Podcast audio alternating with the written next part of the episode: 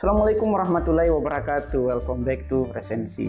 Sekarang lagi tren untuk bergaya hidup minimalis, katanya. Baik seni hidup minimalis ala barat yang diperakasai oleh Francine J maupun minimalisme timur ala Jepang yang dikenal sebagai Dansari. Padahal dalam Islam minimalisme sudah diterapkan oleh Rasulullah SAW sejak lebih dari 1400 tahun lalu dengan istilah kona'ah.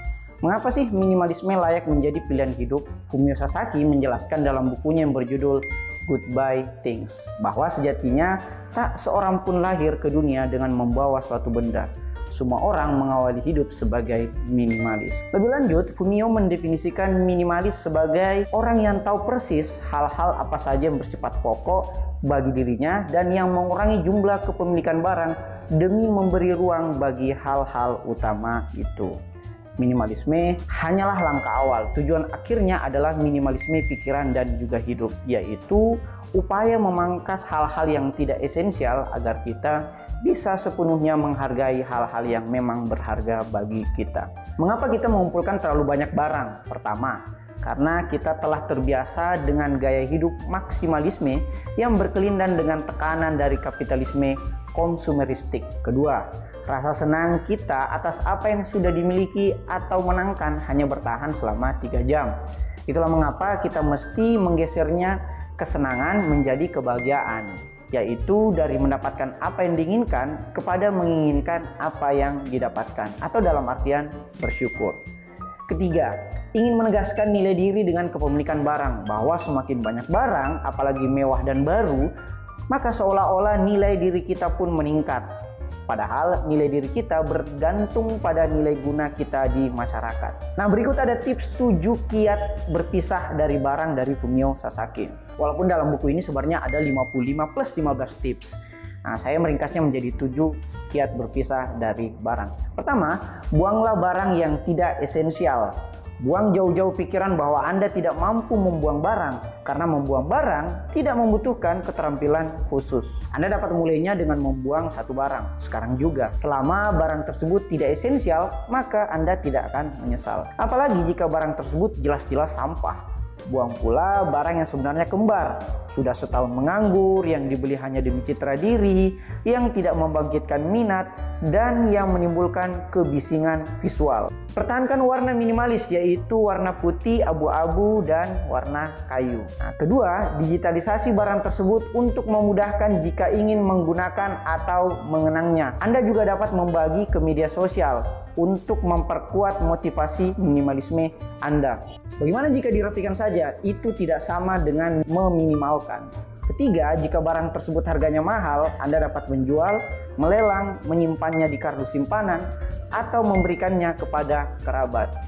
Bagaimana jika barang tersebut hadiah pemberian atau peninggalan almarhum? Jika itu tidak esensial bagi pemberi dan diri Anda, maka juga merupakan barang yang layak dibuang atau minimal dikarduskan. Membuang pemberian tidak sama dengan membuang kenangan. Lagian, rumah bukanlah museum sehingga tidak perlu ada benda koleksi.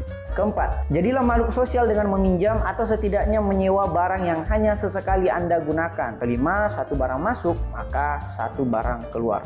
Keenam, tidak perlu membeli karena murah atau mengambil karena gratis. Dan ketujuh, perbanyak bersyukur, yaitu menginginkan apa yang sudah didapatkan. Karena dengan membuang barang yang tidak perlu, kita hanya mengurangi kepemilikan bukan nilai diri. Nah, berikut disertakan pula 6 manfaat dari minimalisme. Salah satu cara yang paling mudah mengidentifikasi apakah barang tersebut esensial atau tidak adalah dengan bertanya. Jika barang tersebut hilang, apakah Anda akan membelinya lagi? Jika iya, maka barang tersebut benar-benar esensial. Hemat saya, barang esensial adalah barang yang membuat hari Anda tidak berjalan sebagaimana mestinya jika barang tersebut tidak ada. Misalnya pakaian, kasur, satu telepon seluler, satu piring makan dan gelas, sepatu, dan dompet untuk menyimpan kartu serta uang. Lalu, jika kita menempuh jalan hidup minimalisme, apa sih manfaatnya? Pertama, tidak menyita waktu untuk mengantri, membeli, memilah, memilih, menyimpan, dan membuang barang tersebut. Itulah mengapa Steve Jobs maupun Mark Zuckerberg menggunakan pakaian yang berwarna sama setiap harinya demi menghemat waktu dan keputusan. Daripada membuang waktu untuk memikirkan barang berkualitas, lebih baik gunakan waktu berkualitasmu untuk mengerjakan hal-hal yang esensial. Kedua, rumah yang lebih lapang dan bersih. Tidak ada yang tidak senang melihat rumah yang bersih dan rapi. Membersihkan juga dapat membuat Anda menjauhkan diri dari kebiasaan malas-malasan dan menunda-nunda. Sebagaimana pesan Aristoteles, kita dibentuk oleh apa yang dilakukan berulang-ulang. Dengan demikian, tindakan bukanlah keunggulan, melainkan kebiasaan. Ketiga, dikarenakan telah lapang, maka Anda semakin bebas bergerak. Keempat, biaya hidup yang lebih rendah, hemat, dan peduli lingkungan. Kelima, Anda akan menjadi pribadi yang lebih bersyukur, sehingga menjauhkan Anda dari sikap tamak dan merasa ketinggalan atau FOMO, fear of missing out. Keenam, Anda akan lebih sehat secara fisik dan mental.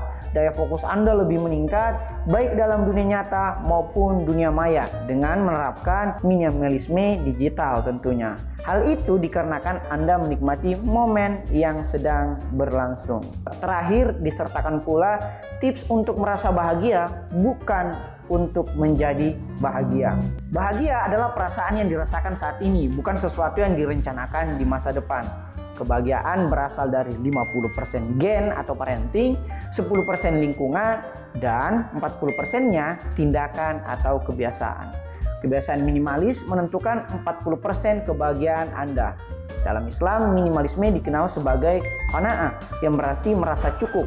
Suatu jalan tengah nan adil antara mubasir di satu sisi dan kikir di sisi yang lain. Minimalisme berguna baik bagi diri maupun orang lain, baik bagi manusia maupun lingkungan, baik bagi tubuh maupun pikiran, dan baik bagi kehidupan dunia maupun akhirat. Selamat hidup minimalis. Ada pertanyaan?